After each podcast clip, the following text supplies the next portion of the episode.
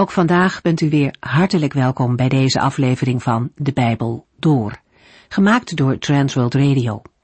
Voor meer informatie kijkt u dan op onze website transworldradio.nl. In deze serie gaat u in vijf jaar tijd met ons de Bijbel door, van Genesis 1 tot en met het laatste vers in Openbaring 22. Vandaag kunt u met ons meeluisteren naar Hebreeën 13. We maakten de vorige keer al een kort begin met dit hoofdstuk. Het volgt op een gedeelte waarin de schrijver laat zien hoe groot en heilig de Heere God is. We hebben deel aan een geweldige toekomst en we dienen een God die nog grotere dingen zal doen. Er komt een moment dat zowel de aarde als de hemel zullen beven. Dan zal alles wat gemaakt is verdwijnen en blijft het onwankelbare koninkrijk van God over. God zal een nieuwe aarde en een nieuwe hemel maken. En dat vooruitzicht op Gods toekomst verandert ons leven. De wetenschap dat we op een dag deel uit zullen maken van dat onwankelbare koninkrijk van God, maakt dat we God in dit leven proberen te dienen met heel ons verstand, met heel ons hart en met al onze kracht. We mogen Hem dienen met eerbied en ontzag, zoals Hij het graag wil. Het woord dat de schrijver hier voor dienen gebruikt, wordt ook gebruikt voor het dienen van de priesters onder het oude verbond. In het Nieuwe Testament worden alle gelovigen heilige priesters genoemd. Mensen die geestelijke offers aan God mogen brengen. God dienen met eerbied en ontzag betekent niet dat we in angst voor Hem moeten leven. Het voorkomt echter wel dat mensen onverschillig omgaan met Gods genade. En dat is waar de Hebreeënbrief veel tegen waarschuwt. Wij hebben niet met zomaar een God te maken. Hij is groter en heiliger dan wij ons bij benadering ook maar kunnen bedenken. De schrijver besluit zijn onderwerp daarmee. Want onze God is een verterend vuur, zegt hij. En daarom moeten mensen ernst maken met de genade die in Jezus Christus te vinden is. God is liefde en genade, dat is zeker. Maar God is echter ook heilig. Hij houdt mensen verantwoordelijk voor hun daden en zal daarover oordelen. Zijn liefde maakt het echter mogelijk om vrijgesproken te worden van het oordeel. En om dat te kunnen doen, heeft God zijn enige zoon naar de wereld gezonden. Maar wie voorbij gaat aan de zoon van God, krijgt op een dag te maken met deze God die een verterend vuur is. Gods liefde en Gods rechtvaardigheid gaan hand in hand. In de vorige uitzending lazen we aan het slot van de uitzending een oproep om het huwelijk in ere te houden. In Hebreeën 13 vers 4 lazen we, laat iedereen het huwelijk in ere houden. Man en vrouw moeten elkaar trouw blijven. Wie overspel pleegt, zal door God gestraft worden. Maar deze woorden nemen de werkelijkheid van 1 Johannes 2 vers 1 en 2 niet weg. De apostel Johannes schrijft, kinderen, ik zeg dit om u van de zonde af te houden. Maar als iemand zondigt, hebben wij een rechtvaardige advocaat die ons verdedigt bij de Vader, Jezus Christus. Hij nam de straf voor onze zonde op zich en verzoende ons zo met God. Hij is het offer voor onze zonden, en niet alleen voor de onze, maar ook voor die van de hele wereld. Hebreeën 13 vers 5 Laat u niet door het geld in beslag nemen. Wees tevreden met wat u hebt, want God heeft gezegd, ik zal altijd voor u zorgen, ik zal u nooit in de steek laten. De waarschuwing tegen geldzucht is naast die tegen overspel en hoererij een belangrijk thema in de christelijke vermaningen.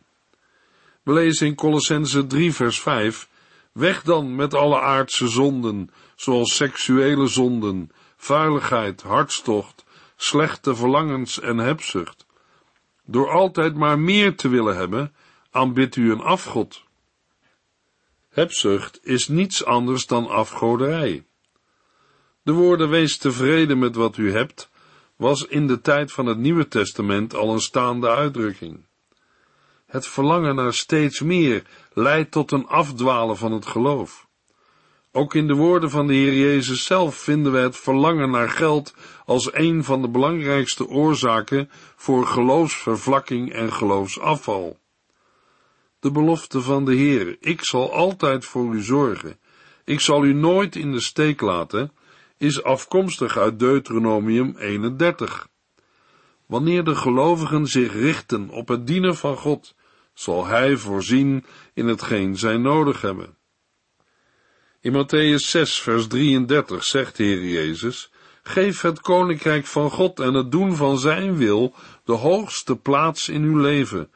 Al het andere zal u dan geschonken worden. In Matthäus 28, vers 20 geeft de heiland de rijke belofte en vergeet dit niet. Ik ben altijd bij u, tot het einde van de tijd. Hebreeën 13, vers 6. Daarom kunnen wij goede moed hebben en zeggen, de Heere helpt mij. Daarom hoef ik niet bang te zijn voor wat een mens mij kan aandoen. De reactie op de belofte van de Heere uit vers 5 kan niet anders zijn dan een van dankbaarheid en vertrouwen.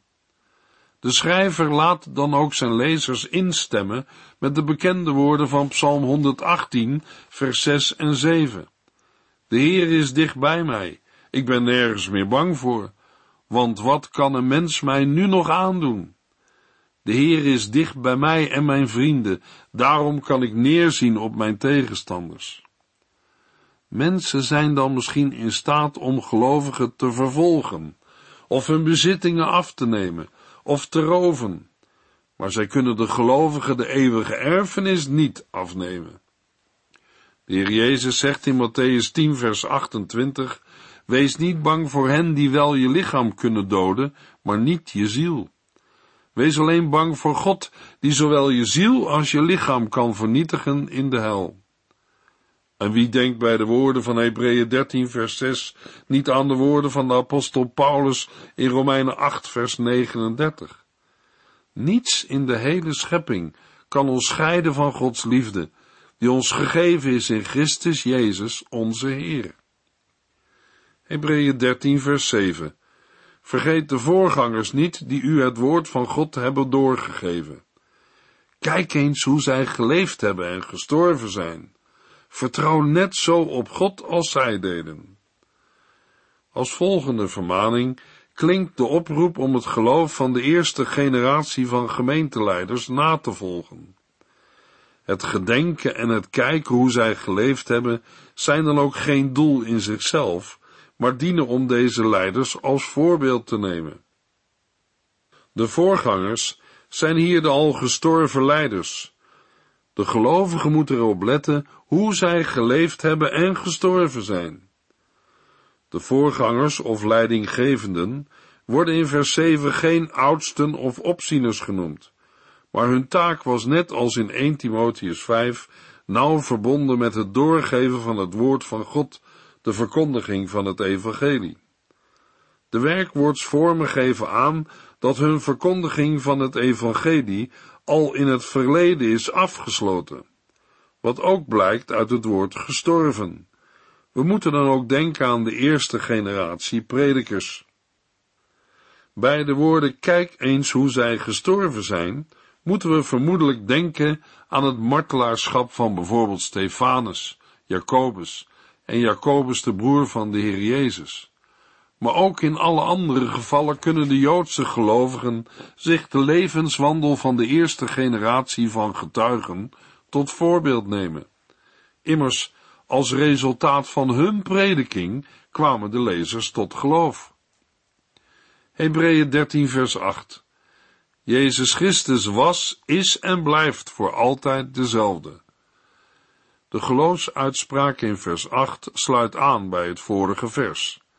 De Jezus Christus, op wie de al gestorven voorgangers hun geloof hadden gebouwd en voor wie zij hun leven hadden gegeven, is en blijft voor altijd dezelfde. De lezers van Hebreeën kunnen het geloof van deze voorgangers navolgen. Vers 8 doet geen uitspraak over het bestaan van Christus voor hij op aarde kwam maar stelt dat Christus, net als aan de vorige, de eerste generatie van gelovigen, ook nu aan de lezers kracht zal geven. De woorden hij was, is en blijft voor altijd zijn een vaker gebruikte algemene aanduiding voor het verleden. Het hoge priesterschap van de Heer Jezus Christus is voor altijd, voor eeuwig. Daardoor wordt de geloofsuitspraak in vers 8 tegelijk een belofte voor de toekomstige generaties. Jezus Christus was, is en blijft voor altijd dezelfde. Hij is betrouwbaar. De lezers en alle gelovigen na hen zullen de nabijheid van Christus op dezelfde wijze als de apostelen ervaren. En net als Christus voor de apostelen gepleit heeft, zo zal hij voor alle gelovigen pleiten. Al in het Oude Testament noemt de Heere zichzelf als degene die steeds dezelfde blijft. Ook de naam van de Heere in Exodus 3 vers 14 wijst in die richting, waar de Heere zegt, Mijn naam is Ik ben die ik ben. Uit de Ik ben spreuk in het Johannesevangelie blijkt dat dit nu ook van de Heer Jezus Christus gezegd kan worden. Met de woorden ik ben wordt in het Johannesevangelie de goddelijke heerlijkheid van Jezus Christus onder woorden gebracht. De uitdrukking is niet tot het vierde evangelie beperkt, maar neemt in het Johannesevangelie wel een bijzondere plaats in. Als zodanig is de uitdrukking zeker karakteristiek voor het vierde evangelie. In het evangelie naar Matthäus komt de uitdrukking ik ben vijfmaal voor, in dat van Marcus driemaal, in dat naar Lucas vijfmaal en in dat naar Johannes 29 maal. Verrassend is ook nog om na te gaan hoe vaak de uitdrukking bij de verschillende evangelisten voorkomt in de mond van Jezus. In het evangelie naar Matthäus is dat eenmaal, in dat naar Marcus tweemaal, in dat naar Lucas eveneens tweemaal, maar in het evangelie naar Johannes 26 maal. Johannes 6 vers 35 en 48 zegt Jezus, ik ben het brood dat leven geeft. In Johannes 8 vers 12 en 9 vers 5 zegt Jezus, ik ben het licht van de wereld. In Johannes 10 vers 7 en 9 zegt Jezus, ik ben de deur van de schaapskooi. En Johannes 10 vers 11 en 14, ik ben de goede herder. In Johannes 11 vers 25 zegt Jezus, ik ben zelf het leven, of in een andere vertaling, ik ben de opstanding en het leven. In Johannes 14 vers 6 zegt Jezus, ik ben de weg, de waarheid en het leven. En tenslotte in Johannes 15 vers 1 en 5, ik ben de echte wijnstok. Theologisch zijn de Bijbelplaatsen van het grootste belang, waar de uitdrukking absoluut wordt gebruikt. Bijvoorbeeld in Johannes 4, vers 26b zegt Jezus, ik ben de Christus. Van deze Jezus Christus, de Zoon van God, God zelf, zegt de schrijver van Hebreeën, Hij, Jezus Christus, was, is en blijft voor altijd dezelfde. De apostel Paulus schrijft in Filippenzen 3, vers 10 en 11, Het enige wat ik wil, is Christus kennen en ervaren hoe groot de kracht is, waardoor hij uit de dood is opgestaan. Ik wil ervaren wat het betekent om met hem te lijden en te sterven, om uiteindelijk te komen tot de opstanding uit de dood.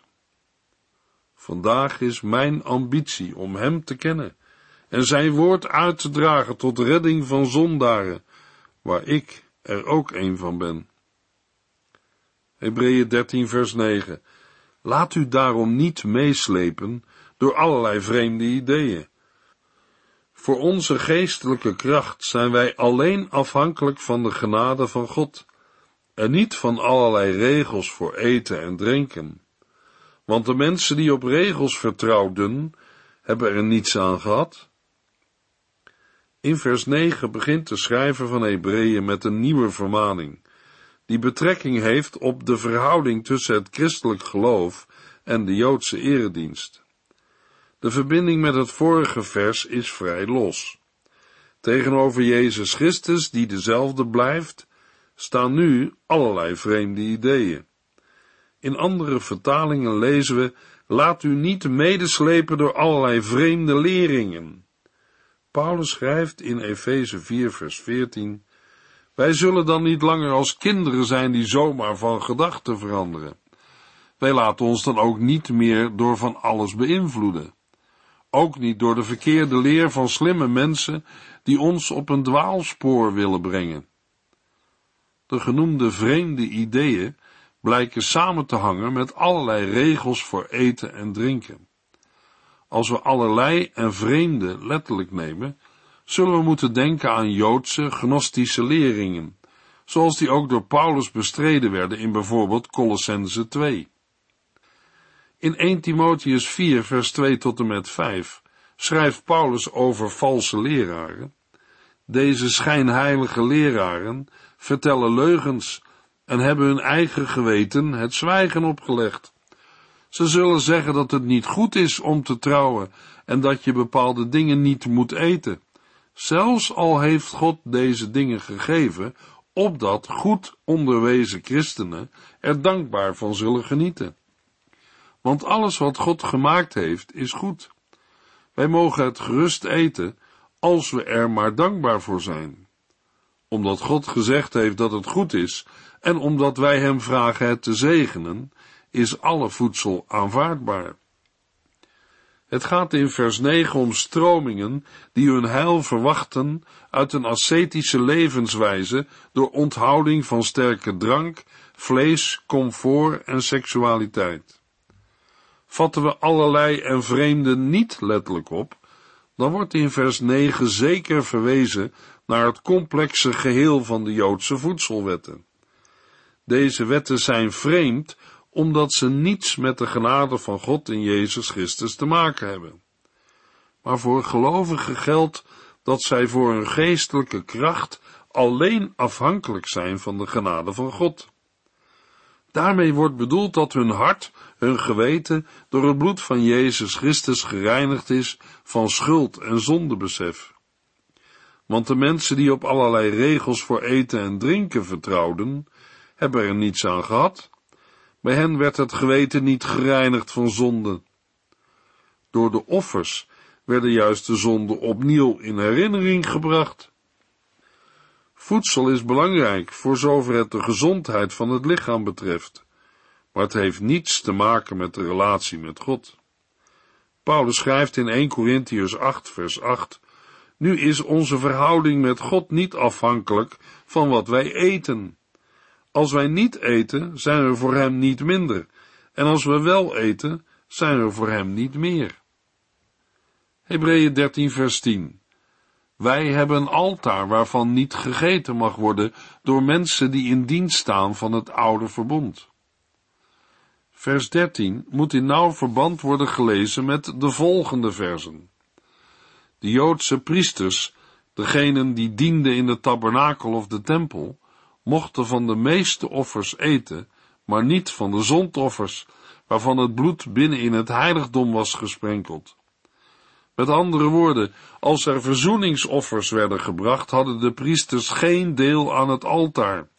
Dan was het een altaar waarvan niet gegeten mag worden door mensen die in dienst staan van het oude verbond. Met de mensen die in dienst staan van het oude verbond worden de priesters bedoeld die dienden in de tabernakel en later in de tempel. Zij vertegenwoordigen al degenen die nog heil verwachten uit de Joodse offerdienst. Degenen die rechtvaardigheid verwachten uit allerlei regels voor eten en drinken. Ze hebben geen aandeel aan de zondoffers en daarom ook niet aan de verzoening zelf. Deze offers waren in meerdere opzichten onwerkzaam ze gaven maar een versluierd beeld van de geweldige dingen die Christus voor ons zou doen. In Hebreeën 10 vers 1 lazen we dat de offers die jaar in jaar uit werden gebracht, de deelnemers aan deze eredienst niet tot volmaaktheid hebben gebracht. Als dat wel had gekund, zou één offer genoeg zijn geweest. In Hebreeën 10 vers 3 en 4 lezen we dan maar wat er gebeurde was precies het tegenovergestelde. In plaats van hen van zonden te bevrijden, herinnerden die jaarlijkse offers hun aan hun ongehoorzaamheid en schuld. Want het bloed van stieren en bokken kan nooit voorgoed met de zonde afrekenen. Bovendien hebben de offers sinds het offer van Christus definitief hun geldigheid verloren. Voor de gelovigen van het nieuwe verbond geldt dat zij wel deel hebben aan de verzoening die op het altaar heeft plaatsgevonden. Met dit altaar wordt het kruis bedoeld, waarin Jezus Christus zich als zondoffer offerde. Zijn offer is eenmalig, maar door het geloof en door middel van het heilige avondmaal hebben de gelovigen voortdurend deel aan het bloed en lichaam van Christus.